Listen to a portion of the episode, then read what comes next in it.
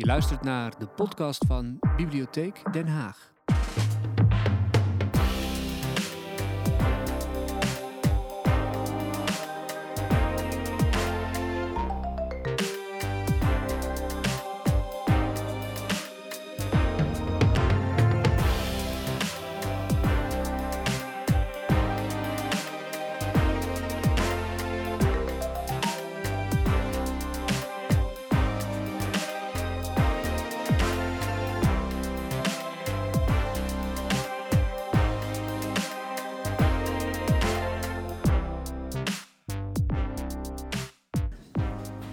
Goedenavond, uh, blij dat u hier allemaal bent. Mijn naam is uh, Bas Heijnen en ik heb de eer om vanavond een gesprek te leiden tussen twee bijzondere mensen. Ik mag even wat in, we gaan straks in het Engels praten, maar het is altijd leuk om even in de eigen taal te beginnen. Um, Brad Watson, een, een auteur die enorm veel geprezen is in Amerika, hier nog niet zo bekend. Hij heeft een heel bijzonder boek geschreven, wat uh, ook zojuist vertaald, Miss Jane. En het is uh, vertaald als juffrouw Jane. Nou, lijkt me een goede vertaling. Um, en dat is een heel bijzonder en ook wat eigenaardig uh, boek, een roman. En het raakt, denk ik, aan heel veel verschillende thema's. Het is een historische roman, speelt in de vorige eeuw, begin, begint vorige eeuw en eindigt zo rond in, nou ja, eindigt 1980. Maar uh, het is vooral historisch. Maar het is ook een roman die, denk ik, op een hele subtiele, rustige manier ons heel veel te zeggen heeft. En daar wil ik uh, graag over praten met de schrijver. En in het tweede gedeelte, we krijgen eerst een gedeelte met hem en dan lees je aan het eind een stukje voor. Uh, zodat u een beetje de, want hij, het is vooral een ongelooflijk goede, prachtige stylist, een hele beeldende taal. En dan kunt u er wat van proeven als u het nog niet kent. Uh, daarna vraag ik Marco Valente uh, erbij. Die uh, woont al, is een universitair docent, hè, moet ik zeggen, in, bij de Radboud Universiteit in, in Nijmegen. En, maar ze is Amerikaans van origine en zeer betrokken bij de wereld van nu. Heel veel onderwerpen uh, waar, zij, waar ze zich over uitspreekt, waar ze over schrijft, gaan eigenlijk, ze trekken die thema's in dit boek eigenlijk zo'n beetje rustig aan latent aanwezig zijn, trekt zij veel meer naar het heden. En ik denk dat het een hele mooie opzet wordt om daar met haar en de, uh, Brad Watson te praten over het Amerika van nu, waar wij ook allemaal een beetje uh, in leven. En wat dat uh, voor ons en onze tijd te betekenen heeft en wat het zegt over het Amerika van nu. But first I like to, to invite Brad Watson on the stage. Ah, there he is. Um, please make yourself comfortable. Yes, it's possible to make yourself comfortable on these uh, chairs. Um, you've been uh, for, for, some days in Holland now, and um, your, your, book, your novel is, is very much an American novel in a way. You always described as a southern writer, which is a kind of special niche within the American literature, but how are the reactions in, in uh, a kind of more uh, uh pragmatic, uh, non-Gothic uh, kind of in a country like the Netherlands on your work? Um, is mic working? Uh, you know, um, this, uh, you know, the, the, two writers I uh, quoted in the beginning of the book. Um, I didn't know if you noticed. Um, one is the Swedish writer Lars Gustafsson. Yes. And the other is Flaubert. Yes. So I, I really, when I was writing this book, um, um, I told my editor, uh, who's been edit, my editor for uh, all my books um, at W.W. Norton, uh, I was struggling with it a bit, and I said, you know, um, and she was used to me writing, a, my previous novel was very much a Southern Gothic sort of novel. Mm-hmm. I said, I don't think I'm really, I don't feel like I'm writing a Southern novel. I feel as if I'm reading a, a, a kind of a small, weird European novel. And she said, no, that doesn't surprise me. So um, I thought, okay, that's, she understands me better than I understand myself. yeah, I felt, you know, I was very much uh, interested in this character, as, um, and um, the fact that she lived on a small farm in Mississippi was not something that I felt was a limitation. It was, mm-hmm. just, it was just a part of one of the conditions. Because she, read, she reads herself as a little girl, she reads Flaubert also. Yeah, so couldn't resist that. No. uh, well, we will get back to it. But first, I think uh, to introduce you to a Dutch audience. I read your uh, your biography a bit, and uh, it, stru- it struck me because you have a before you came a writer, you had a quite a checkered career, I think. It's been checkered ever since. Ever since, okay. uh, and one of the things I noticed was that you tried to make it in Hollywood. Now, I have I've been to Hollywood to, to write about people who trying who are trying to make it there, and work in restaurants and all kinds of jobs, and then they end up as second officer in a liquor store in, in some movie. Uh, but what made you go there and try out? Uh, well, I, I had I was uh, I was an actor because I had been a juvenile delinquent in junior high. I was kicked out of Latin class and put into a chorus class, and uh, uh, the uh, teacher wanted to put on a um, production of the musical Oliver. Mm. They were they were desegregating the schools at that time, and she wanted to put on a biracial production of Oliver. And um, she didn't have any uh, boys in the class, and so she asked anyone who had boys who were misbehaving to uh, throw them out and give them to her in chorus. So that's where I ended up. And, and because I had such a bad reputation, I guess I got to be the villain, Bill Sikes, in that play. And it was a lot of fun. I had been a jock before that playing football, but I was the same size I am now, and I'd stopped growing, so I couldn't do that anymore. And I got the big thrill out of being on stage. I kept doing that. But um, but then my um, girlfriend, when I was in uh, junior in high school, my girlfriend and I eloped. Mm. Uh, Okay. We ran off across the state line and got married, and she was pregnant, and we had a child. Okay. And I went to work. And my senior year, I got out of school early, and I worked construction and supported us. My father thought that um, uh, he, he feared I was doomed to a life of hard labor and digging ditches and things. And so we had a family friend who had a contact in Hollywood was going to give me a job building sets, and I could go out and maybe I would be discovered, you know, like Ava Gardner or something like that. And uh, so I went out there. Uh, and as soon as I got there, there was a writer's strike, Mm. and the movie industry shut down. So I worked a lot of odd jobs in construction and selling ads for a newspaper and trying to sell fire alarms. Um, it's a comedy of errors that I tried to write about many times and can't quite get it down. Mm. I ended up being a garbage man for an Armenian guy who had one truck and just one employee, and that was me. Um, so I drove the truck, and I would get down, and I would get the bends and pull them up, put them back, run up, and I got in terrific shape. It was very. Um, Did you ever audition? I, I did one audition with one director. It wasn't really an audition, it was an interview with a director. And I was this little southern boy, taught to be polite. And um, when I finished the audition, the guy who got it for me said that the director told him he thought I was too nice and polite to be an actor. I, I didn't, he didn't think I would be able to get up in front of an audience and, and just lay it all out there. And I was really angry about that because I thought, geez, Yeah. I was just, you know, doing what I was taught to do. yeah. Give me a role, I'd be fine. But no, I blew it. So that didn't work out in the end. No. You went back to Mississippi. Went back to Mississippi and ran a bar for a while that my dad uh, owned, and they talked me into going to college. I didn't think I was uh, destined for um, higher education because of my choices, and uh, but I um, I took a test. They gave me a Hemingway story to read and to write an essay story or essay about it. I didn't even know it was a Hemingway story, and I wrote an essay, and they said it's very good, and they put me into an honors English class for freshman uh, class, and um, that was the first time I really read seriously, Mhm. read read uh, novels and fiction seriously, and I, I wanted to do it ever after that. To write. To write and to teach, because I had a great teacher. Mm. The guy in that who taught that class was really, really a wonderful teacher. But I had a lot of room, ground to make up because I had uh, spent my youth. Um, I wasted a lot of Mm. time. I had not, you know. Was it hard to become a writer? Um, it's still hard for me. I, I, um, I I feel like I struggle with it. I know everyone struggles with it, you know, trying to do it well. But yeah, and I also think that perhaps I'm, I don't really have the, the proper disposition. Um, acting, um, although I lost interest in it while I was out there because I went so long being a garbage man, I actually forgot I was out there to be an actor. Mm. And, um, but, and when uh, it came time for us to stay or go home because we had a death in the family, I chose to go home because I said, I don't really want to do this anymore. On the other hand, it was a lot of fun.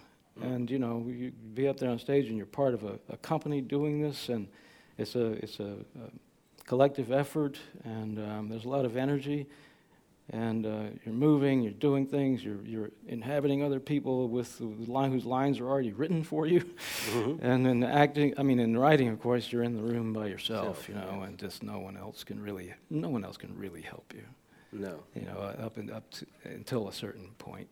And was it hard in your circumstances to become a writer, to be taken seriously Yes. as a writer? Yes, I don't think anyone had come out of my hometown um, uh, and become a writer. Um, I don't know of anyone who had Mhm. before Mhm. before I did. Um, and then, so no one really took it seriously. They they would I got laughed at quite a lot. You know, Mm. they got mocked for it. Oh, sure, yeah, sure, you can do that because I was just this you know little young idiot who uh, Mm. got into trouble and didn't. They no one thought of me as a very thoughtful person. Uh, so I yeah no one no one even my, even my friends in college would mock me. It was sort of uh, it wasn't like now where you have so many. Uh, creative writing programs, and so Mm. many people are, are actually, you know, becoming writers, achieving that, that dream, and um, it seems much more plausible now that someone will come out and do it. Then, it, then it still seemed uh, kind of unrealistic um, ambition. But uh, but I, uh, you know, hung in there. I feel like I, I had uh, I had thrown all in on that, and I was going to make it work, or it was Mm. going to go bust. It took a while because I was married, and um, and then I was married again, Mhm.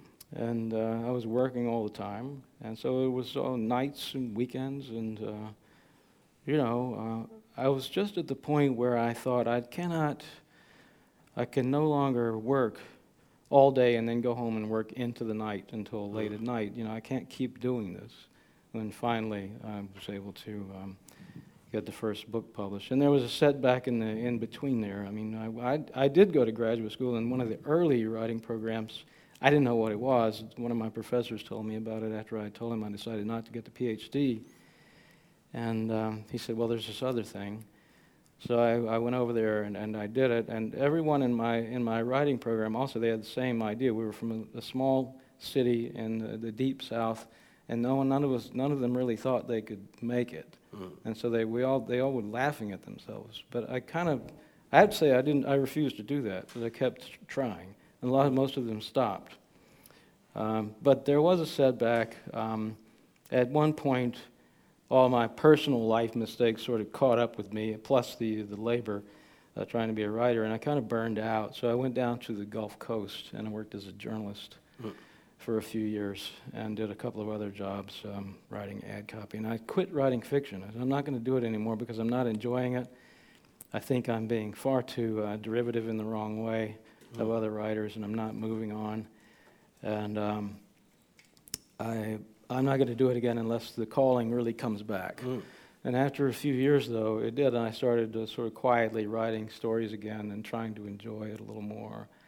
And ex- writing in a more expansive way. I felt as if I had a sort of myopic um, view of how of what I was writing and Mm. what I could write, and I wanted to open that up a little more. And uh, so I did. I was in my second marriage, and um, I plowed in again, and I would write. Uh, I had a, a full-time job, and I would write. Um, I'd go away. I had a week off every year, and I and a some friends had a, um, a small cottage on the Gulf Coast on the beach, not Mm. not right on the water, but but uh, down there. And I would go down for those seven days by myself, and I had a an old uh, antique portable typewriter. I would take it along and set it on the patio at, in the morning, and uh, I made sure that I write a full draft of a short story that, that day. So, and then I would um, uh, go for a run, and then I would come back and have a martini and make dinner, and then I would go to bed. And I'd take those seven stories back, um, and I would tinker on them all year, and that's Mm. kind of how I got back in, Mm, into doing okay. it. Yeah. Because it, so it does sound that you, you, know, you old- not only had some, uh, it was quite difficult to become a writer, but you also have a kind of relationship with writing that's not, you're not one of those what we call a veelschrijver. Uh, I just looked it up, so I can say assembly line writer, someone who No. trots out novels, uh, some better than others, uh, but you know, writing makes writing. You're much of a doubting writer, in a sense. I'm an artiste. Artist. yeah, but not um, easygoing in that sense. No, no, no. And I have to. I, I can't seem to um, stick with the project un, unless something, unless it means something more to me than just a, a job, Mm. you know, or just a project. It, it has to somehow move me to, to really want to. I have to feel as if it really. It, I had to feel moved to write it. Mm. I can't just decide to write it and do it as an intellectual exercise. It Mm. just doesn't work for me. And so, how did this novel come about? Um, it's uh, it's a story. I, I will. I won't, well, if you uh, that's if you summarize the story, it's. I don't think it works because it's about. right. It, it's a There's little no plot. no, and it's good. No also kind of trouble that seems it, the inwardness of the novel is very important. But it's about a girl growing up in the early uh, in in the South, in the American South, in the early 20th century, who has a uh, uh, congenital what's what's the word? Birth, birth defect. Uh, sorry, Birth defect. birth defect, uh, which is um, that she's incontinent and cannot have babies. Uh, probably not, or in, in the in the normal uh, in the, in the normal way. And it's it's the novel is briefly about her growing up, making her, her own life within the, this uh, given situation and in the social situation where she grows up. Uh, but it's basically about m- making her own life, isn't Yeah. it? Yeah, it's about uh, f- figuring out um, how to live um, a, a, a life, uh, a full life, uh, even though uh, her condition and um, uh, other people's and society's attitude toward her condition would make her um, uh, kind of a leper and uh, ostracized. Mm. Um, but she refuses to. Uh, s- uh, she learns how not to see herself as some kind of a freak, Mm. uh, with the help of her uh, mentor friend and Mm, close the friend, doctor, Dr. Thompson. Yeah, it's it's about it's a it's a it's really a, in part it's a book about her um, her education, uh, partly through Dr. Thompson, and, and she's partly an autodidact also because she she's thoughtful and she listens and she observes and um, and she's patient uh, as she can be, and um, and she's uh, attentive to nature, which uh, finally allows her to see that she is just another um, uh, natural phenomenon. Mm. I think uh, there. I don't think that would have happened for this character if she weren't isolated and living in a rural uh, setting Mm. on this farm where the only and on the only child at the home really left at that house because it was uh, she had to entertain herself and uh, part of that was um, being alone in the woods and, and on the farm and um, and being observant and, and thinking and not being disturbed too much by other people's intrusive um, observations of her. Mm. Now you you said you stated that the character is based on a great aunt of yours. Yeah, there was had the uh, same condition, more or less. Well, I I don't know. I Mhm. mean, my great aunt, um, Jane was born in, in this book in 1915. I had a great aunt who was born in 1888. And um, she was a kind of a family story. She was a family mystery. Um, there are photographs of her. Uh, all we knew about uh, Aunt Jane was that she was incontinent, um, that she couldn't have children, that she never married and uh, that was about it. That she'd had some sort, something, some sort of condition since birth. Um, no more. Um, so, and people didn't really talk about it. They were country folk mostly, like the people in the book. Um, I saw a photograph one time when I was with my mother. We were going through a, a shoebox full of old photographs, and I saw a photograph of a young uh, woman or um, older teenage girl um, posing for the little snapshot camera, wearing an attractive sun hat and a nice little sundress, very thin, um, but uh, pretty, and seeming to flirt with the camera. And I, I said, "Who is that?" My mother said, "That's Aunt Jane." I said, "Was she looks like she's flirting with someone taking the picture?" She said, well, "Maybe. Uh, she was popular with the boys. She used to go to the dances up there in the community." I said, How did she do that if she was incontinent and had the stigma? She said, I don't know. Because mm. it's that, that sort of thing about their family, you know, they, these things happen and they just accept them at some point without asking mm. questions because it wasn't polite. And then it just became the, the story. Um, I thought, you know, and I, I, thought more about, well, how did she do that? What if she did have a, a, a love interest or a mm. boyfriend? And what, uh, you know, how did she do that? If she did, how did she go to the dances? And then how did she get a boyfriend? And if she did those things, what was the outcome? And knowing that uh, in those times uh, they could not do anything about her condition, so, you know, what would it come to? There must have been some sort of little drama there. So I started to think about it. Also, my mom, you know, I said I was got more. I got curious about her, and this was long before I tried to write the book. That was when I was just beginning to write. Uh, I said, "Where's her grave?" I wanted to go and see her grave. She said, "It's in the local cemetery. It's not up in the country. It's in town." She told me where it was, and I went looking for it, and I couldn't find it. And I came back, and her name was Jane. They called her Jane. She was Jane Clay. And I looked and couldn't find it. I went back and I said, I couldn't find it, but I found one that said Mary Ellis Clay, about the right dates. And mom said, Oh, yes, that was her. Mm. I said, Well, why did they call her Jane? Why did she call herself Jane? And she said, I don't know. Mm. That was her family. So, so all the more mystery. I thought, yeah. did she do that deliberately? Did she choose that name for some reason? You know, was it why? Um, and so, what what made you uh, that you were, were, intrigued by her, I can well imagine. But what, at what point did you see her as a, as a uh, someone you could make a novel about with your imagining? At what point did you decide that? I, after I published uh, The Heaven of Mercury in 2002, I sort of naively thought that I could easily write a novel about this, uh, you know, inspired by this story not thinking, well, what do I know about her? So I don't know anything about her story. There are almost no anecdotes. Uh, there's no med- there are no medical records. Um, no one knows exactly what her condition was. They don't know any of the details about her friendships, whether she actually had a boyfriend, uh, what she did with herself on a day-to-day basis. I asked one cousin. I said, "How did she How did she survive after?" Because the real Jane lived with her parents on the farm till she was 40. And they died, and she moved to town. And I said, How did she live? They said, I don't know, maybe welfare. And I looked it up, and welfare began in the U.S. in 1935. Mm-hmm. That would have made her about 50 or 55. No, that would have made her 50 something. And so, or close to 50. So uh, it was a mystery, you know. Um, she used to travel by bus to see brothers who had moved away uh, to East Texas by herself mm-hmm. and loved to visit with them. And I went, I, I went to see one of them, and I asked, "What was she like?" Oh, she was, she was just, she was fine.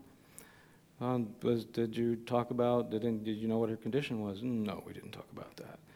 Um, uh, did you hang out with her? Uh, no, no, I didn't. Uh, what did she do? Um, I don't really remember. You know, it's there was nothing. Mm-hmm. And I had uh, written this proposal to Norton, saying, "Yeah, I imagine a story about a woman with this sort of condition. This, her life was in this lived out this way, and this happens, and that happens, this happens. It was completely nonsense. It was just hmm. folderol. You know? How did they react? They thought, that's a good idea, go ahead. And um, then I wrote a few drafts, and it was terrible. And I realized I didn't know anything. I could not write this, this novel, so I began to try to figure out what my great aunt's condition might have been. Hmm. I read all kinds of, I, I, I read a lot about. Um, uh, urogenital birth defects, uh, female urogenital birth defects, and, and, tomes and on the internet, and I could not find anything that really made sense with my aunt because mm. most of the conditions involved a lot of constant infections mm. and, and, visits to the doctor in the hospital, sickliness, uh, early death. Um, and uh, botched surgeries and so on. My aunt seemed to, to, be healthy, although she was very thin. Mm. She did not. Uh, she was not constantly at the doctor. Apparently, she lived um, from 1888 to 1975. So, what exactly was it that resonated with you? Because maybe the lack of details was was uh, something really good for a writer because you could fill it in yourself. One thing I think that made it uh, resonate with me was that one thing everyone kept saying was they thought that Aunt Jane was a was a happy person. Mm that she uh, seemed always cheerful, and she never. Um, she, the family had a sort of a, a history of being stoic. They were very stoic people. They did not complain. They were they were hardy country folk, and they had hard times, but they they persevered, and she was one of them in that sense. But of course, she had more challenges. She had she had a greater challenge, um, but she um, she never um, seemed to pity herself, and. Um, there I was, you know, I'd already been doing my second marriage and having all kinds of opportunity for a love life and botching it. And here's this woman who did not have the opportunity and yet seemed put forth the, um, the facade of contentment, Mm. whether or not that was true. And I, I was fascinated by that, and then I began to think that, that what was behind the facade. Mm. And you combine that with the, the mystery of her flirtatious photograph. I mean, it was truly, it was truly flirtatious. You know, it was, uh, and and the idea that she did go to the dances, and it, it just began to gather sort of uh, into. Um, But it's also very much a conditioned, I don't know if I used the right word, conditioned life. That is, um, is she's, she has to accept that she's unable to cross certain lines. Yeah. She's, some possibilities are cut, cut off for her, yeah, uh, many in that sense. So she also has to accept that. yeah, And that's, I think, also part of the of her experience very much that she's quite good at accepting that without losing her joy of life. without losing her composure. Yeah. Yeah. Um, well, that's where the doctor comes in, I guess, helping her. That and her general, her her her, her nature, um, her natural disposition, I think, which that hardy uh, stoicism serves her well. But I think the doctor character in the book um, helps her to keep that from becoming something that uh, finally is, is destructive. You know, with her father, it's destructive and uh, Yes. self-destructive um, uh, habits, uh, and uh, with the mother, it's it's, uh, it's it's the anger turns inward and sort of eats at her, eats her alive, and the daughter, uh, the older sister, Jane's older sister, simply wants to run away, and uh, but Jane can't really run away and doesn't really want to. She just wants to understand who she is, and um, She's not a rebel. no, she's not a rebel. She's very independent, but she's not a rebel. And that's one of the, maybe one of the reasons that this uh, novel is, is described as a, as a, a so-called quiet novel in the sense that it's not about social issues, it's not about uh, the outsider as a kind of rebel vicar, vicar or someone who protests uh, inequalities or discrimination. It's, a, it's much more inward. It's uh, it's a kind of an old-fashioned way of dealing with Mm. being with being an outsider, which is to um, to live with a kind of quiet strength and dignity Mm. that uh, is finally unassailable Mm. by others who would who would um, you know denigrate it. Well, we, we, we go on and, and uh, we ask Mark, but I, I would first like to uh, ask you to read a passage from the novel. Sure. And then we ask Marka on stage, and she's read the novel too, and her impression of it, and then we talk about the more general issues about living in America at this, at this time. Can I Sure. ask you to I read? had, had chosen a passage before. I didn't know if it was um, something that's coordinated or not, but um, it's a it's good enough passage. Um, this is when she is um, around six or seven years old, and has uh, been gradually uh, uh, awakening. The beginning of her awakening. Her parents and other members of her family had got to where they never said anything to her about her problem, except to tell her quietly to go change herself if she forgot about it, especially before a meal or if someone was dropping by for a visit. But now she thought about it quite a lot through the winter and into the spring, how she was different. It descended more deeply into her mind that she was the only one made the way she was made, that she was strange. She became accustomed to that flushing sense of shame that could come on and heat your face and make your scalp tingle and make you want to cry. Summer came early and then came on hard in June. It was very hot. She took to wearing light dresses and leaving off her diaper and staying outside in the shade most of the day, hopping behind a bush or a tree when she felt something coming on, instead of out in the open as she had when she was younger. She kept with her a catalog page she would tear a piece off of, use, and discard. And she would feel that flush of shame whenever it happened, and her mind would bristle with the sense of that strangeness. Ever since the day playing checkers with Mister, she had taken to washing her own diapers down at the creek instead of letting her mother or Grace take care of it. She would not put them in her mother's boiling pot for sterilizing washed undergarments until all the others had been removed. She was past her sixth birthday that November before it occurred to her that no one had even mentioned the possibility of attending school the next year. She went to where her mother sat mending a shirt on the front porch. Her mother looked up as she stood there. What's the matter? I guess I won't be going to school next year like the rest. Her mother stopped her mending, though she looked down at it for a bit before meeting her daughter's eye again. No, she said, I don't see the sense in putting you through it. Then, more to herself, she said, Most girls, I'd say it's a waste of time anyway. She looked a long moment at Jane again and said, we will have to figure out something that you can do. Thank you. Marka, will you come up to stage? Um,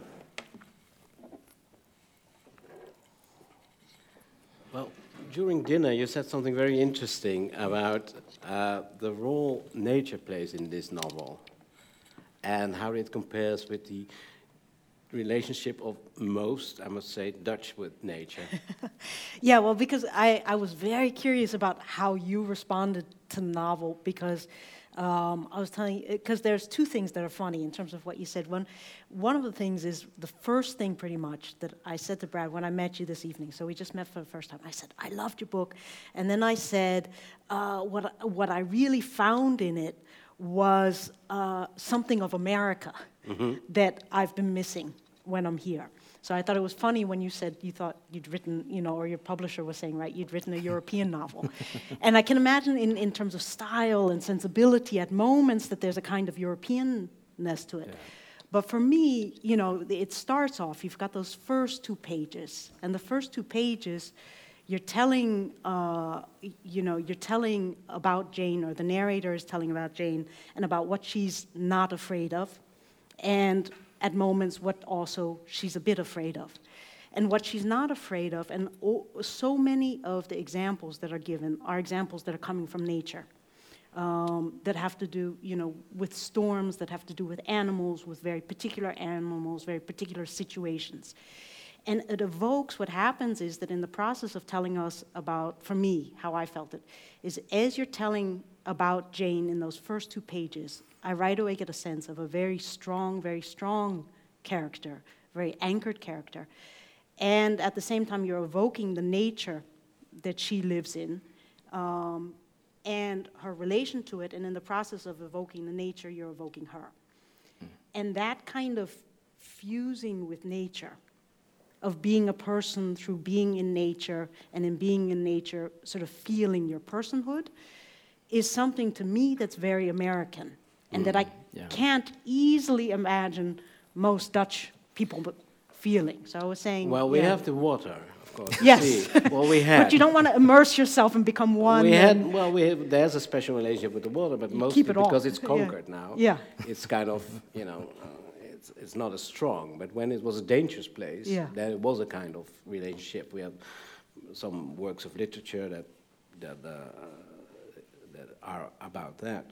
But I think we, for the rest, we don't have that much wildness or nature. And there's one passage in the novel in which she, in the early state, when she walks and she feels a kind of sexual relationship with, with the nature. It, he says it's, uh, you, you, you catalog a lot of things and, and you say then you, it was all a kind of sexual thing for her. Oh, yeah. You remember that? Yeah, I remember that passage. Yeah. well, not in a literal way, but in a no. kind of erotic way, more, more, more or less. Yeah, I was trying to um, to describe um, that phenomenon we all feel, I think, um, when something moves us so much that we feel it physically as well as Mhm. emotionally. And um, for that is a kind of sexual experience. I Mhm. mean, a sensual experience. Mhm. And, and for Jane, uh, there, who, is, who has not, doesn't have uh, engaged in any kind of um, conventional form of sexual relations, that is Mhm. her, you know, that, that is something that approximates it or comes close to it or. Um, Mhm. See, but that's, that, that's what I'm wondering, because I had, uh, I'm of, I'm of two minds of it, about it, because is it something, because you say, you know, with Jane, you're saying, in a way, it's because she can't be sexual, so it becomes a, a, a way of experiencing the sensuality of life, precisely because she can't experience it through sexual relations With with, a man, person, with another yeah. person. Yeah. Okay. But at the same time, what, as I'm reading it, right, I'm experiencing it and I'm responding to it. And I don't know if that is because so many of us experience the sensuality of life and you're making it very visible and tangible, or if it is because I grew up gay in America in a time when I had to hide that and also could not express it and had to find these other ways. You know, so, so is it, you know, so am I recognizing my difference in her difference? Or am I recognizing, you know, because then I'm really wondering about you. So you're a man, you know, very heterosexual man. You're saying you're, you're having your love life here, right, that she doesn't have. Um, does that mean that you feel very different from her, or do you recognize yourself in her? Oh, I do recognize uh, myself in her. I, I, I feel it just not. It's also kind of universal. I think that feeling, that experience that she has. I mean, when I was re- when I was including uh, the uh, the experience of, uh, of putting an oyster in your mouth and Mm. swallowing an oyster as Mm. being a sensual and almost sexual experience. I mean, I, I still feel that way. Mhm. You know? Especially with, since I can't get them in, in Wyoming. No, and I wanted it yeah, yeah. desperately. When I was reading it, I wanted an oyster. Yeah, when I go back, Yeah. I, I eat about three dozen in the first, Mm. the first day that I'm there. Yeah. So no, and also I was, a, you know, I was a kind of a loner and a dreamy kid and a weirdo. You know, I identify with Jane uh, in terms of uh, being someone who's not like everybody else, just not in the same way and, and not uh, in such a forbidding uh, way, you know, a difficult way. hmm But I'd go out into the woods a lot by myself and sit there and just try to soak it up. And it was physical as well as an imaginative and emotional experience, always, always was. I mean, the smells and the animal life that begins to come alive when you're out there uh, by yourself, and, and, and just uh, the sense of being fully in yourself, Mhm. uh, by yourself. Uh, that is an experience that, if that's not a sort of sexual coming of age, uh, I think that we're got too narrow of a definition. hmm Yes. you know. It also seems that uh, it's the novel is about loneliness in a way, but Yeah. not. But as, that loneliness in itself can be quite fulfilling in a way. It's not like the isolated person is someone lost and is a kind of. Uh, uh, zielig, uh, how do you say that? Uh, so a kind of Pathetic pitif- pitiful figure, yeah. Mhm. but it's someone with an inner life that is uh, quite strong and quite, quite maybe transcendent in, a, in itself. I think so. Yeah. Yeah, and I mean, I think I think that's what I really love about the story is that it's it's as I'm reading it, I can see, you know, that this is the the the person that I wouldn't have noticed, right? And um, it's the person that other people don't notice. Uh, so for much of her life, right, she was she was hidden, uh, she was. Um, at least in, in some regards, and it's just it's a it's a very simple human life. And then as you tell it and through the telling, it's an incredibly rich life. Uh, and you manage to have both of those at the same time. So, you, so at least for me, right, always as I'm talking here, is, is one of the things I really, really loved is to feel both of those together is the simplicity of it and the richness and have those kind of pushing against each other without the one dominating the other. Um, and so that for me, that balance between those 2 Oh, that's really, I mean, what you're talking about there, I think that's why um, um, Flaubert's story, A Simple Heart, and Gustafsson's story, Greatness Strikes Where It Pleases, were so important to me while I was writing this book because Flaubert's story is about um, an ed- uneducated girl, then woman, young woman, then older woman, who is really uh, entirely alone. She's a servant, Mm. and uh, she lives her life as a servant in various places it ends up with uh, uh, an older woman in a little village. Um, and she's very devoted. She, uh, she lives a full life, but she never, she doesn't have anyone. Actually, she lives a much more uh, isolated life than Jane does. Mhm. She's, uh, she has, never really has a, a close attachment with anyone that is reciprocated. Uh, it's, she is, in fact, rejected in certain ways uh, more uh, than Jane ever is in this book.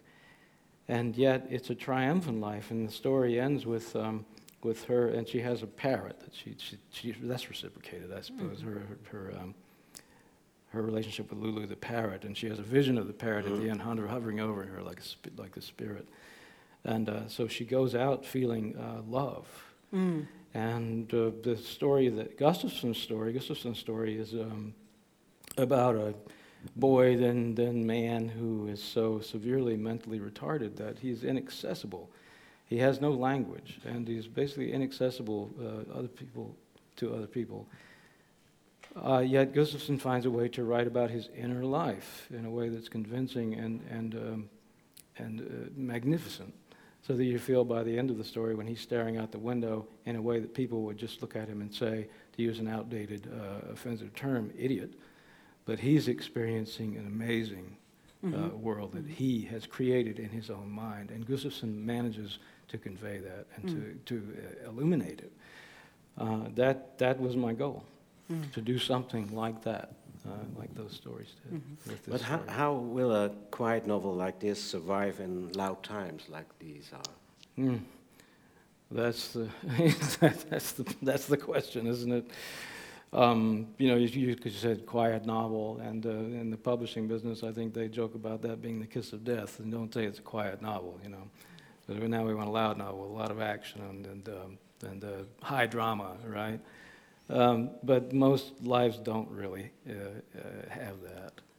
So um, if you, I don't know. I, I, I suppose you have to get lucky for it to survive in these times. People have to, um, word of mouth, people have to go around and say, well, in fact, I know that I've talked to a lot of people who, um, um, and I've seen uh, little reviews on the internet where people say, I didn't think I would like this book. I read the synopsis and I thought, eh, you know, why would I want to read a book like that? And, uh, Mm. But then they say, but I read it. No, it's really good. They were Mm. surprised. I say, oh, yeah. I wish they would get over their surprise. But Well, one, but one, I think one of the things that made it hot, made it me. special for So me. Is it okay? Yeah. Yeah, it's a little Yeah. warm. I'm a It's little warm. warm. Oh, it's just the lights. No, I can well understand if you say, uh, here's a novel about an incontinent uh, woman, that people would say, Yeah, well, I'll right. save that for later. Yeah, yeah, yeah, yeah. That's that's that's the that's the obstacle. to get No, One of the but in a more general yeah. way, it's, a, a- as I say, the quiet novel, but it's also loud times in a different way that this kind of inner life, uh, you know, with, it's not only Trump, but it's also the culture of, of, of the internet, of the uh, people, uh, identities, uh, the, the, the, the war of, um, war of identities, of net new nationalism, of all kinds of strong feelings about uh, uh, culture, uh, about the other. Um, this kind of inwardness, I think, is a statement in itself. In, in this world, it's about otherness as a kind of, uh, um, uh, how would you say that? Um, uh, Counterweight? It's, it's, it's a count, counterweight. It's not a political novel. It's not a, uh, a social statement. It's not an activist novel. No. Um, does that come through by uh, through readers? Do readers understand this kind of inner world that's somehow now that's not really appreciated in this in this culture we live in? I think so. Um, I don't. I haven't uh, noticed that people see it as a book that um, is foremost um, championing any particular because Mhm. Uh, although people have commented on how um, uh, they I mean, some people will say things like, "Oh, it seems a timely book." You know, we're talking a lot about sexuality and gender and so forth these days, and that, that, you know, maybe that'll help the book sales. But I don't really think that's entered into the politics of sales. You know, with this book, it's just been, it's more the people who appreciated it have appreciated it because of the character, because of Jane, because it is a character study, Yes. a story of a life, Yes. and it is an entire life. And that's the other thing that I liked about my my models here uh, was that um, Flaubert tells the story of um, Felicite in uh, 50, 40, 50 pages, an entire life, and it seems full. It seems an entire life. And Gustafsson tells the story of the uh, boy and man and uh, his story in 12 pages, and it seems like a full and an entire life. It's, just- it's an amazing story. It's a miracle of a short story. And I thought, well, if he can do it in 12, surely I can try to do it in 250 or 300 pages, you know.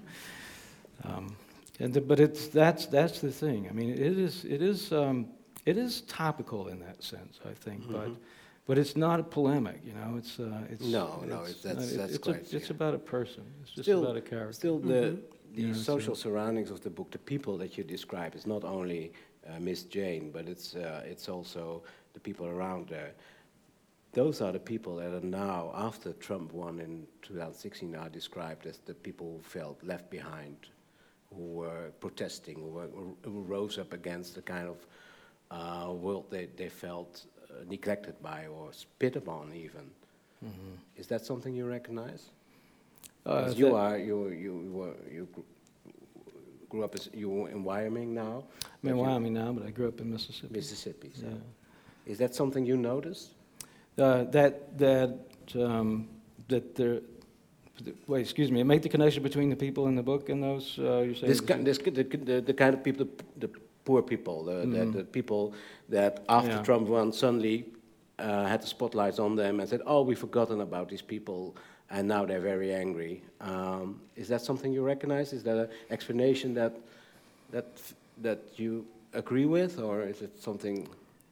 I think that they have always felt left behind by just about every um, administration that's, that's been up there, you know. Um, I think that uh, what that uh, there are, there are characters in this book, for instance, who I can see voting for Trump if he came along in Mm. their time. Some of the, there's a scene in there when those people are on the porch and the doctor is treating them, and there are other there are other folks like that. Um, I don't uh, see Jane having much truck with someone like Trump because she's a very pragmatic person, pragmatic, not not uh, not, not influenced by theatrics or um, you know um, the kinds of um, she's the, the, her family in the, in the book you know is, is one that prides uh, honesty, hard work, um, um, strength in the face of adversity.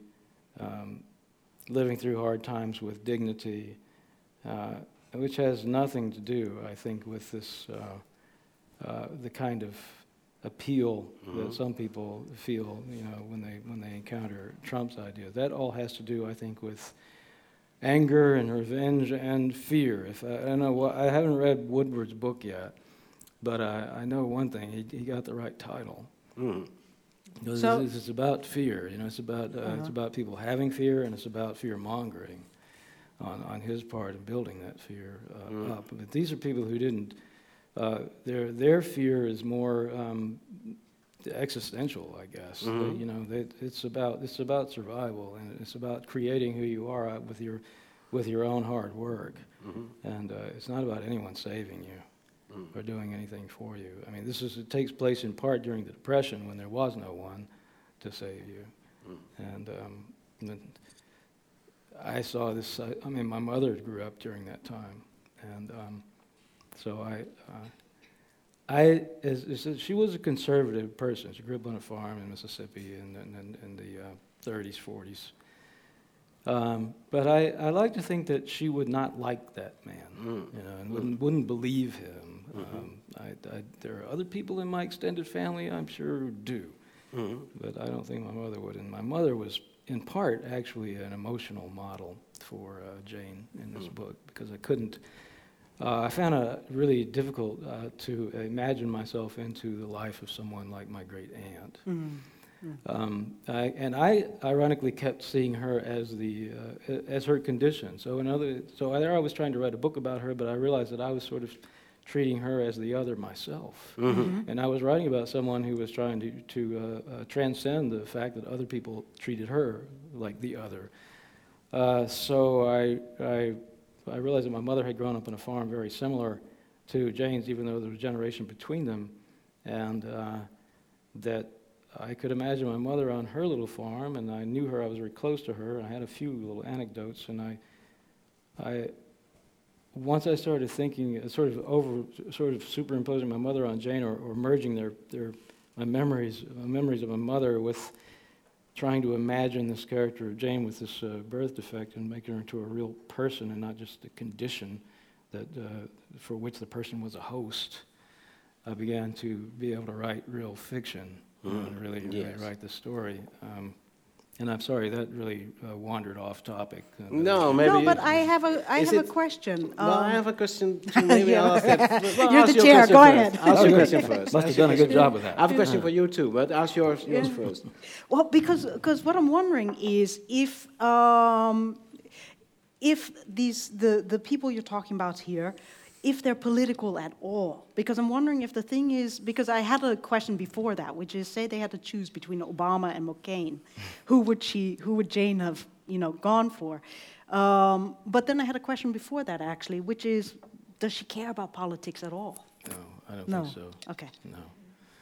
No. Because then Yeah, that's yeah. the thing that Trump does, right? Is that he pulls people, he gets them politicized. Mm. If before that, you know, they might have had those feelings, they might be responsive to the fear. Well, was that just because um, you know they didn't have any have anyone who so bald-facedly, uh, you know, baldly expressed their uh, frustration and anger? I mean, because he knows how to say it. He knows how to to speak uh, the the language that politicians don't normally speak and get away with it. And these are there are a lot of people out there who are angry about feeling left out, and you know Washington politics in general, you know, don't really care about them. It's all phony and so on, and they don't see him as phony, which is the thing that really flabbergasts me. But um, uh, leaves me flabbergasted, I guess I should say. But he's uh, yeah, I mean they don't. Uh, the, so the irony the irony is that the person, the politician I see is the, big, the greatest phony among all phonies uh, that I've seen in my lifetime, and there are a lot of phonies in there, um, seems to strike them as being honest Yes. and speaking the truth. Because Is you, it, is it also the promise? Because I attended one of his speeches uh, in the primaries in New Hampshire, and though it was a rambling speech like we were used to it, not without charisma, not without humor, there were some jokes in it. Uh, I had to laugh, I must confess. Um, but he promised two things. Uh, I think to make a complicated world uh, very simple again. You know, he talks that you don't want us to talk about climate change. I said, look outside, it was a blizzard. So it's problem solved. and the other thing that he sa- promises to take back control, like in England, you know, people have a sense that they have, they have no control of their own lives. I will bring it back. Though their, their lives and impossible, they're impossible, but it's a promise that the feeling that uh, I think is a is, is a, gives, uh, I think, vent to a, a lot of frustration of that people feel those needs. Yeah. Were you surprised by his winning? Of, was you're you're from the deep south, you're in Wyoming, but you're also a, an academic. You're teaching Yeah. in university. I don't think there will uh, be a lot of Trump voters that in your daily surroundings in, at university. No, not not among. They don't admit it. Uh-uh. Um, but they are there. yeah. So I go around campus now feeling a little bit paranoid. So, um, but uh, yeah, I, I was surprised. I thought that just because I, not because of the message, because I didn't think that they liked some things he was saying. I think, yeah, sure, they're going to like some things he's saying. Let's just smash this and, and pull this up, and it's going to be easy. And all we have to do is think, you know, we have to stop. Uh, uh, you know, being mealy-mouthed about all this and just take the simple and straightforward approach. And it's simple, yeah, it's simple. Like government is simple. Um,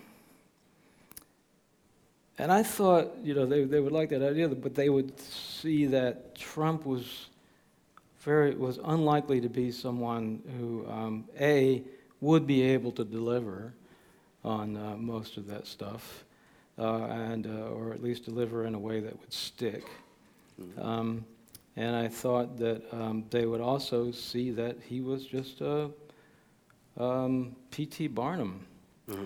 You know that he was just uh, he was a show, and and that. Um, but then again, like I was thinking back, I thought you know they bad actors have never um, been rejected by the American voting public. Mm.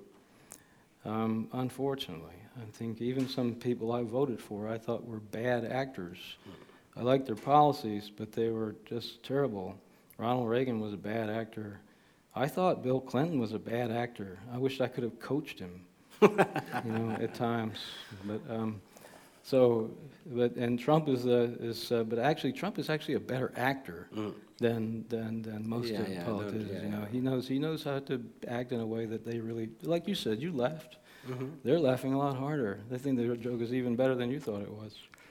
So I, but I thought they would see through that. But they were, um, they, I think you had people who were um, always uh, been waiting for someone like Trump to, to come forward and allow them to say the things uh, and feel the things and vote for the kinds of things that they uh, didn't feel they could uh, after the civil rights movement. Mm. Um, the extremely conservatives in the deep south, I think, uh, were felt cowed and defeated uh, in a sense by the civil rights movement. They, they didn't accept a lot of it and they kept, continued to fight it. Mm. Um, it was Brown versus, versus uh, Board of Education was passed in 55, I think 4, 54, 55. They did not desegregate the schools in my uh, state until 1970 when the courts forced them to do it and they did it in the middle of the year because they said, we'll shut you down if you don't, and that's the only reason they did. So they didn't stop fighting it. But um, people gradually from the 60s on, be, you know, fell back and fell back and said, this is not acceptable. I know, I still feel it, but it's not acceptable to feel this, to say these things and act this way. And uh, the, there was the illusion that maybe people would gradually soften and begin to accept and open up and become more inclusive in their, in their attitude toward other people. And, uh, but no, I don't think that's really the case with a great uh, with a, a, lot of them. They, they were waiting, they were just seething, I think was the word we used, um, seething because they, they still felt those prejudices, they still felt that hatred, that resentment, and um, this has given them license to voice it, and it's, uh, it's a catharsis. So I think what we're seeing down there is a kind of, kind of cathartic movement, and uh, I don't know if, like in the tragedy, the catharsis will be woof, and then ah, that's better. I'm over now. I can we can get rid of Trump. But uh, I'm afraid maybe it won't. Yeah. I don't Mark, know. for you, a, a, question: Were you surprised because you are an academic too, and you are a progressive, I could call that, um, and suddenly things are not moving the way that they're supposed to move, and and of course, there's a lot of criticism of the left also that, you know, like uh, they said, no, the left has concentrated on identity politics and has left the, the people you describe behind, and they were more interested in social issues, not in identity politics. So, how, how was your reaction to the, to the election of Trump? Yeah, well. Was it a uh, shock? No, for me, it, uh, it was a surprise, but it wasn't a shock.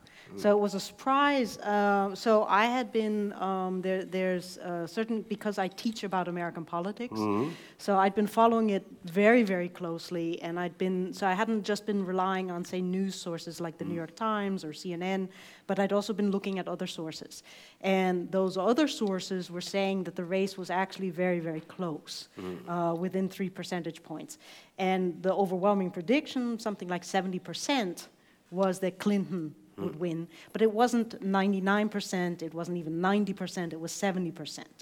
Um, so I knew that actually that's, you know, that there's still, you know, a chunk there. So uh, when it happened, then I, I had already been prepared for that kind of result as a possibility. And I think in that way I saw that I was pretty different from a lot of people around me. Um, in terms of the resentment, uh, I, I, have a, a, personal history, which is just that I went to graduate school in Iowa. Mm. And because of that, I've seen the kinds of responses people have to Iowa. So when I was going out there, people, Iowa is a bit as if I'm going to the Achterhoek or something like that. So I'm in the middle of the country. And, you know, people are like, why are you going there? I mean, I had a fantastic scholarship, so I had good reasons. But uh, the, the, I was coming from the East Coast, and people were just like, Iowa, what are you doing there?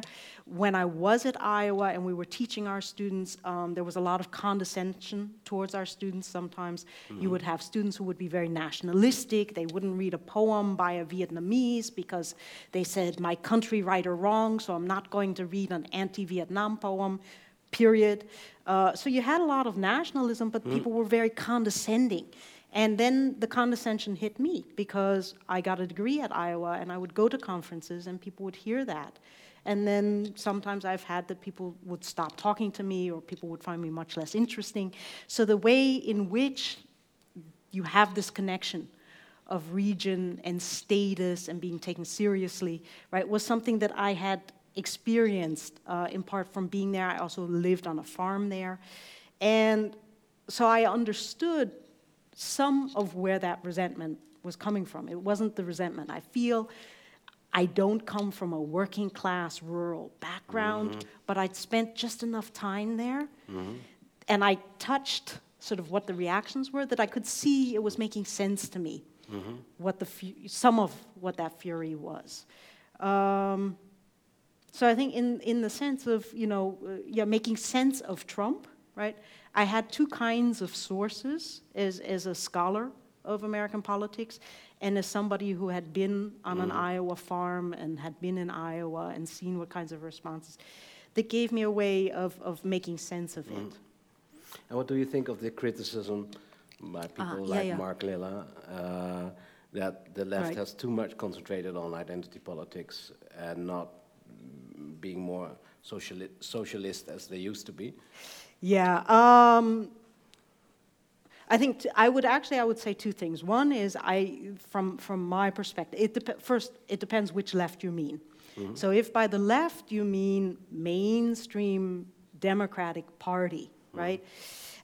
For me, the mainstream Democratic Party has by far not yet done enough to address racial inequality, to address all the kinds of very fundamental, deep inequalities that you have in American society, and the left can go much further in doing that. At the same time, yes, economics disappeared completely.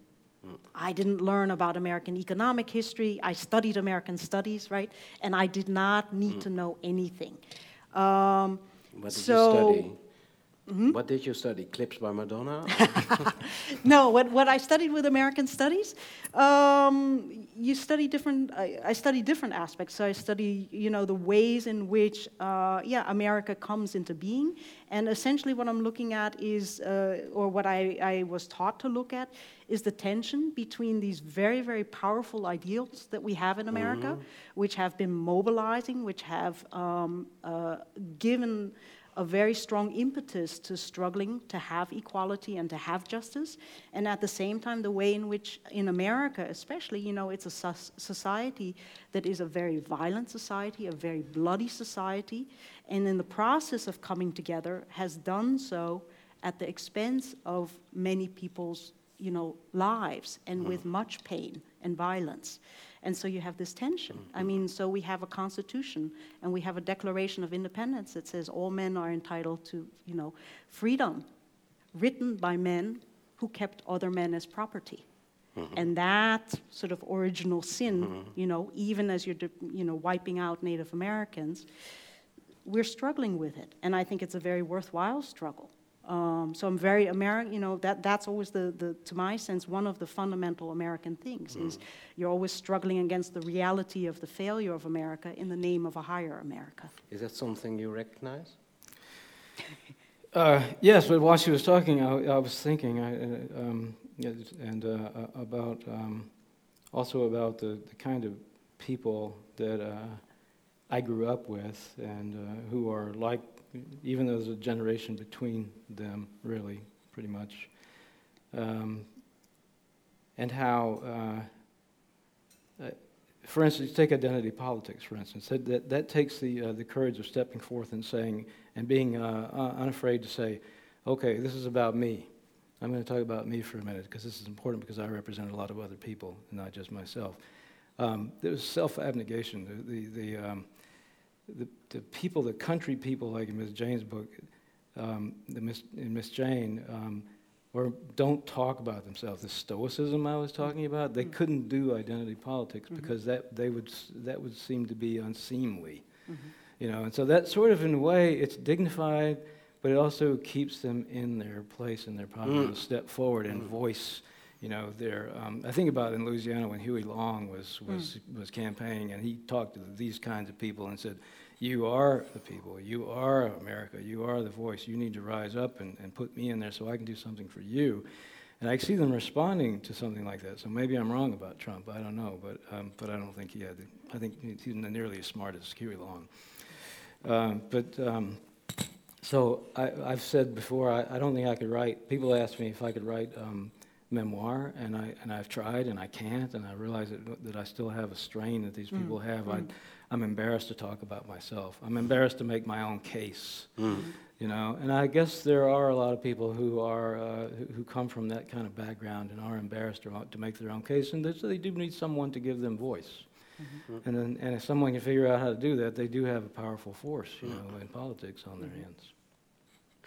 I think we can continue the conversation, but I would like to uh, include you and ask your question or make a remark and make it seem like a question. And if you, um, so I would like to invite you. Um, you can ask any Marka or Brad your questions. There's a mic also. Uh, who wants to kick off? I'm sure there must be some questions about politics. System. Ah, there's a question. Or literature. Literature, yeah, but we start with politics then. I'd like to ask both of you if you have a blog. I don't, no. Uh, I, I've thought about it. I thought it would be fun. And uh, I've also seen people um, uh, increase sales of their books by having a popular blog, so it would be a good uh, thing too. But I've never been able to come up with an idea I thought that I could pull off, that what I would be able to write about every week, every day, week, or even every month, you know, that I thought was interesting. But you are um, on Twitter. I'm on it, but I didn't know I was on it. okay. I mean, my students told me, they said, get on it, look, get on it. And uh, we were in class, and I said, okay, sign me up. We got on, and, uh, and there came up a message saying, welcome back. I didn't remember that I had ever been on it. So I tweeted something like, I said, I think I tweeted, I like fried eggs. That's all I had to say. And I, I would love to come up with an idea for something that, that would really interest me enough to uh, pursue it every week, or just an angle on things. You know, mm-hmm. that would be fun. But I don't. Any, I'll take suggestions. are you Are you working on a new novel? Yeah. Um, yes. Uh, uh-huh. Not very successfully yet, but you know, it's always yes, it's, it's always disheartening in the beginning because it's such a it's so inchoate. You know, it's just like uh, the it's like the gases that kind of would like to be a planet, but it's going to mm-hmm. take a mm-hmm. long time for them to come yeah. into a, you know, you know, ball. So another question. Uh, yeah, I don't have a no. I sometimes I, I have a column uh, for Open Democracy. Uh, so when my work at the university gives me the time, then I write there. But no blog, no. But you wrote a very interesting piece about John McCain. I thought uh, that's was, the, yeah. the, last one, is it? Yeah. And yeah. I think so, you, so. If you look it up, it's it's uh, easy to find. It's mm. uh, it's interesting because it it describes the both sides that you um, just described here yeah. in, in, one man. So that's right. that's very interesting. You know, someone gave me a copy of the the, the classic, the very popular uh, Dutch novel, The Evenings. The Evenings. Oh yeah. And. Uh, I was reading. Uh, I was reading uh, the beginning, the chapter, the beginning pages of it over the last couple of days, and uh, his, uh, you know, his amusing uh, turn and, and, dedication to uh, his devotion to delivering the quotidian in its every little, in every little way.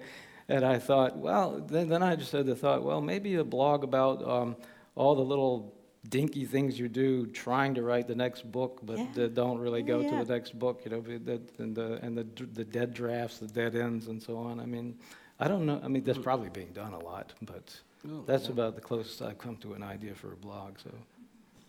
You should do it because I like. Yeah. I love hearing you talk about it because it's the same struggle I have. But then when I hear, it, I'm just always so relieved, you know. So so yeah. So for preparing for today, right? I was looking at interviews and things, and and so at moments you were talking about that, and I I was just tremendously relieved.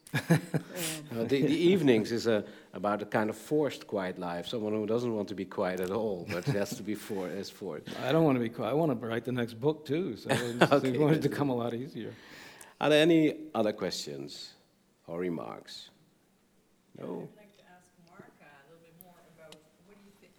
What do you think about where America is going in the next two years? Yeah.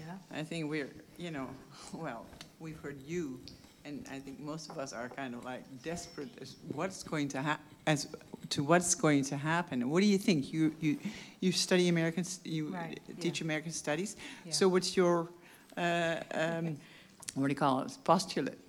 What's Well, I think because the, the, the basic idea, right, uh, to my sense, to my sense, the basic idea of something like democracy uh, or something like American society and the kind of modern societies we have is that it's not so much that they're always going to do a great job or that there's not going to be moments of crisis, but that we have it within ourselves to correct, to address the challenge.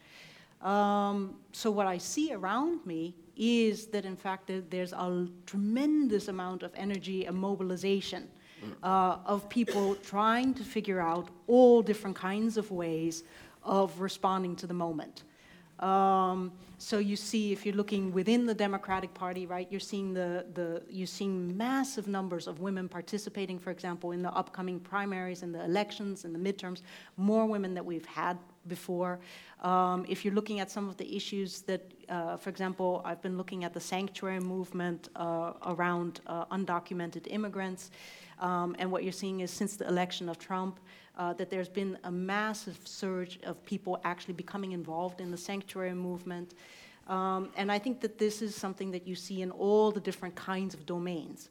So one of the thing effects of Trump actually is that people are saying this is serious enough that I need to put my time and energy into getting engaged and into doing something. Something has to happen.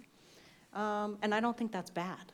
That's also something you saw with the Parkland shootings. Yeah, yeah, you know, yeah. the students of, of that they really Mm-hmm. uh, turned into a kind of movement. I don't know what it's, the status of them is now, but they were quite forceful and they were not uh, accepting the usual excuses or the kind of prayers and things like yeah, that. yeah, yeah. And they seem to be more used to the kind of intimidation by Fox News, by these kind of Mm-hmm. uh, hoax, uh, you know, all these. They were not easily intimidated. So Right, that right. seems to be a new spirit. Yeah, yeah. I mean, you see it also uh, in terms of the impact of the Me Too movement, you know, what's going on with the Kavanaugh hearing now. Uh, it's very, very clear that we're not in, to my sense, in exactly the same place we were, for example, with what happened with Anita Hill. Uh, and the Clarence Thomas hearings and so forth. So we're seeing, you know, that, that people are evolving, people are trying things out. Um, and we're, you know, and uh, so, so I tend, and I think in the end, in some ways, it comes down to are you an optimist or a pessimist, right?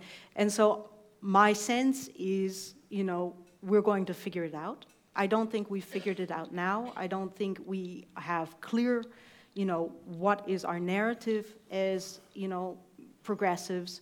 Uh, what is our narrative also, you know, in terms of the Democratic Party? There's structural problems with the Democratic Party.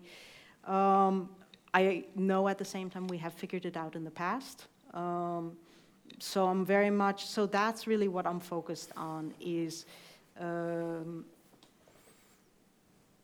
you know, if you look at, for example, the election in Florida, um, you see in a certain sense, right, it's, it's, it's a, a, a Trump and a Bernie Sanders, in a certain sense, extension running against each other. So we're going to be struggling through this. And it's a huge struggle.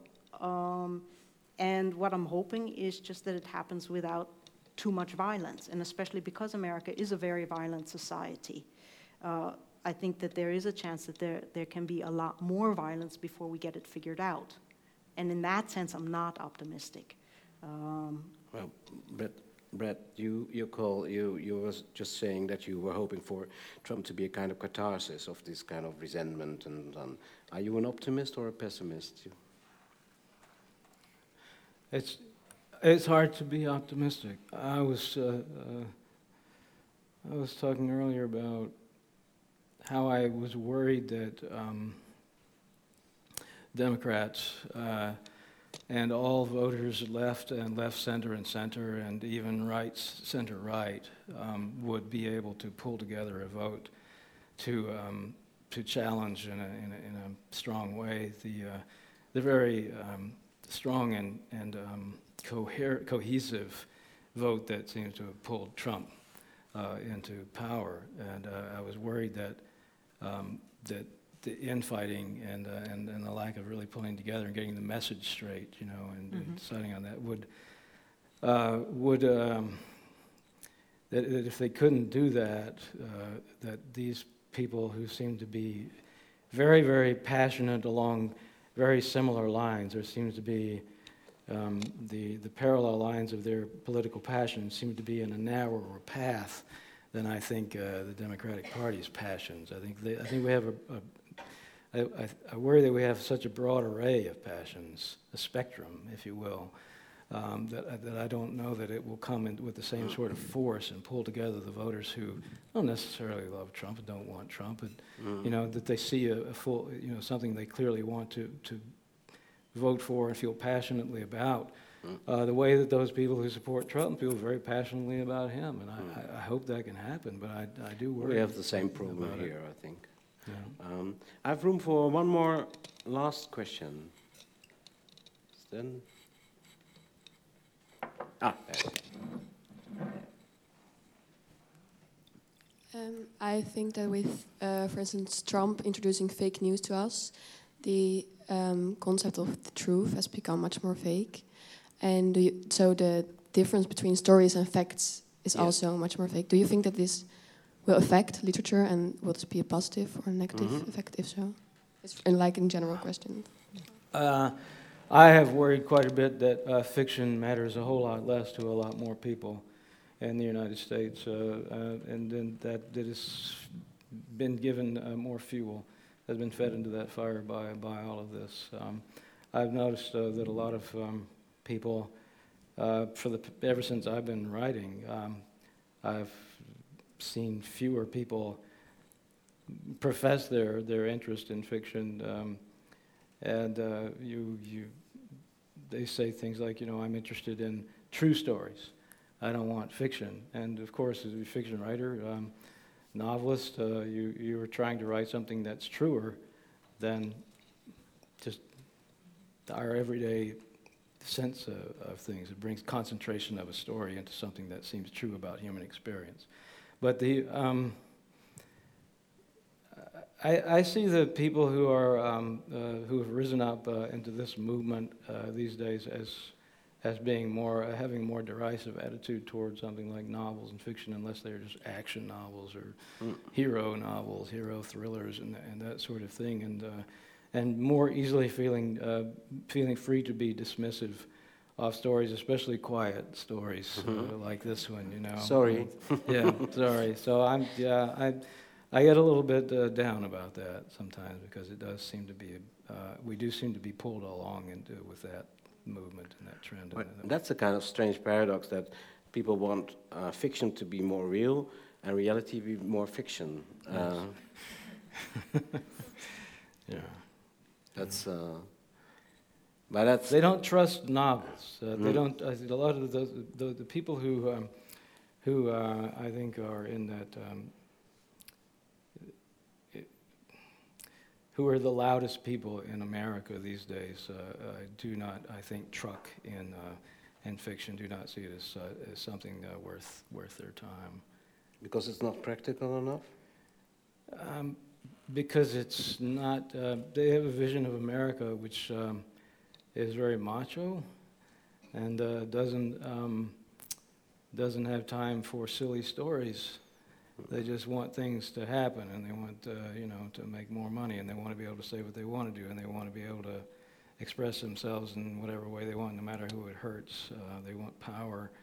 these are the kind of things that get rolled over. I mean, there's a reason that books get uh, like that get burned, uh, you know, in, in, in fascist uh, governments because uh, people think that the, not only to, it's not only that, that say someone decides that, that, a, that a novel is dangerous because of the, the ideas it represents. That's sort of under the surface, I think, in America. It's more like this kind of diversion is not worth our time. Mm. It's, um, it's a waste of time. Mm.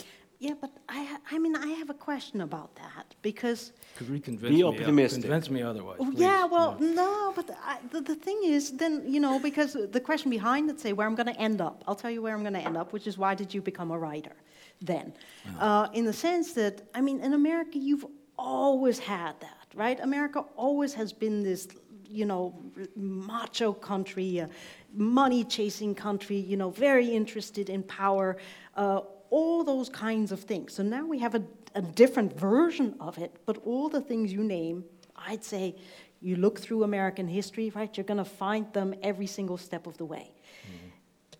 And it seems to me that part of writing, right, is that underneath it all, you must have some secret conviction, right, that the truth you tell through fiction, right, so it's fiction that tells the truth, that the truth you tell through fiction has a power to it.